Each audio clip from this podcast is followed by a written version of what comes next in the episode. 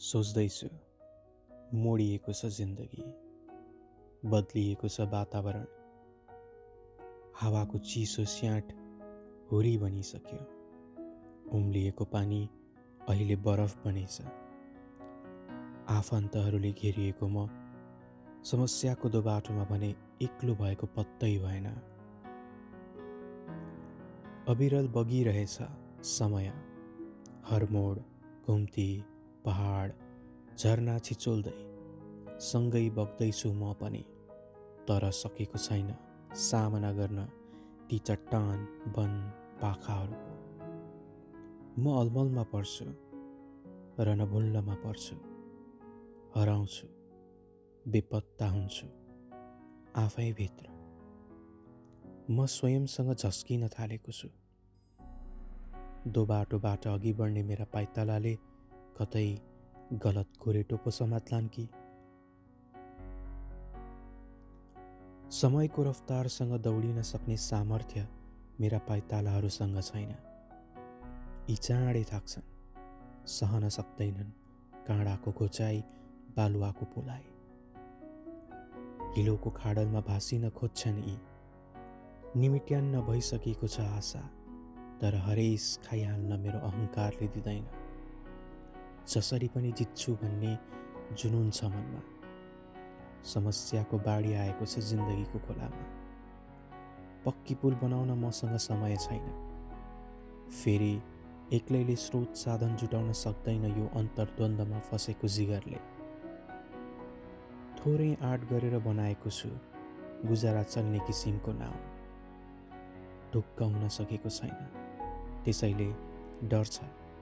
समस्याको भेद थिक्न नसकी बिच बाटोमै डुब्छु कि भन्ने। कमजोर हातहरूले दोबानको भुमरीमा नाउँ नियन्त्रण गर्ने कुरामा सङ्कोच त छँदैछ। म चुहिने नाउँको बिचमा छु ढल्किँदै पल्टिँदै रोकिरहेको छु त्यसमा पानी भरिनबाट। दुवैतिर फैलिएको सुक्खा किनाराहरू हेर्दै कुटुक्क निल्छु। जीवनको एक अध्याय। भिजेको छु म निथ्रुक्कै। चिसा कपडाले शरीर तात्न दिँदैन। लुगा फुकालेर नाङ्गै हुन पनि सक्दिनँ देख्नेले के भन्ला? भन्नेलाई उत्तर फर्काउन शब्द छैन। सधैँ साथ दिने लुगालाई केही बेर भिजेकै भरमा त्याग्न मूर्खता हुन सक्छ। जिन्दगीको बनौटे यात्रामा न म थेक्न सक्छु न म चल्न सक्छु। नाटकको पात्र झैँ अभिनय गरिरहेछु बस। म एउटा यस्तो कटपरिएको असहाय पात्र भएको छु जसप्रति न कोही रिसाउन सक्छ न त माया गर्न सक्छन्।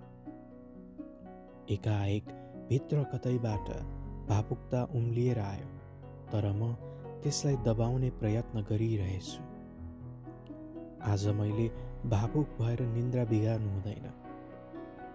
भोलि बिहानै उठेर दुई घन्टा अघि नै बन्दरगाह पुग्नु छ। अघि बढ्नु छ। यस ठाउँबाट उठ्नु पर्नेछ यो परिस्थितिलाई पछार्दै। ट्रान्जिट छ। समस्याको अर्को दोभानमा। ट्रान्जिटमा नाउँले धोका दिन्छ कि भन्ने पिर पनि छ मनभरि। त्यसैले निदाउने प्रयास गर्नुपर्छ अब।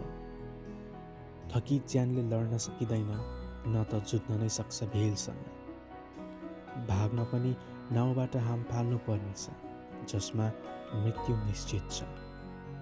बरु निन्द्रा बिचको अचेत अवस्थामै पनि खोज्नु छ नाउँको पाठ पूर्जा जसले नाउँलाई मजबुत र टिकाउ बनाओस्। र देख्न सकोस् अनेक भुमरीहरूलाई